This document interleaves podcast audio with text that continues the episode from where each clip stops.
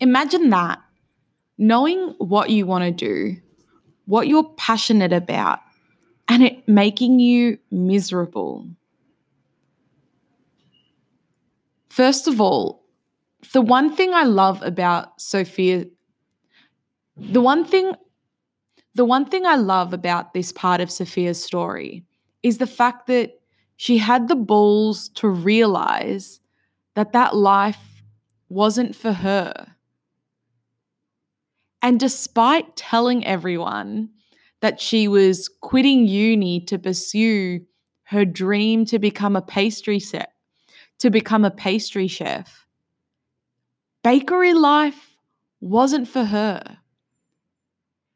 It was making her miserable, and she knew she needed to stop.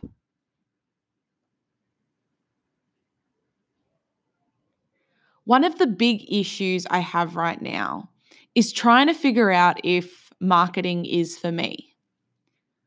All of the office jobs I've had in the field have left me unmotivated, bored, and disengaged. Sure, that's not all of the time, but it's too many but too many days have passed with my life being eh that not.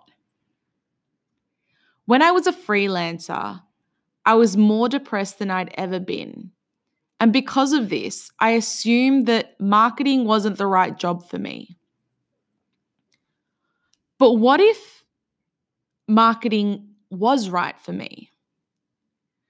What if, like Sophia, it was something I was really passionate about, but they have but they were just the wrong environments for me? What if I've been working with people whose values didn't align with mine? What if I'd been working on projects that didn't excite me? What if I just didn't have a big enough workload?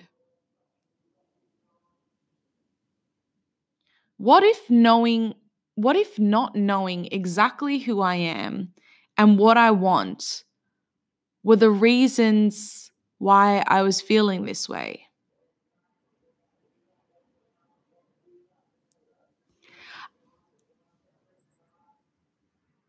After Sophia's parents did what a lot of our parents would do knock some sense into her and led her down this mainstream path of success, you gotta go back to uni.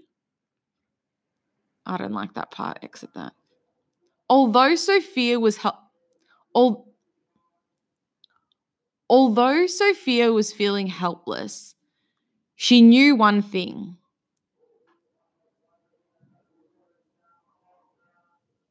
And that was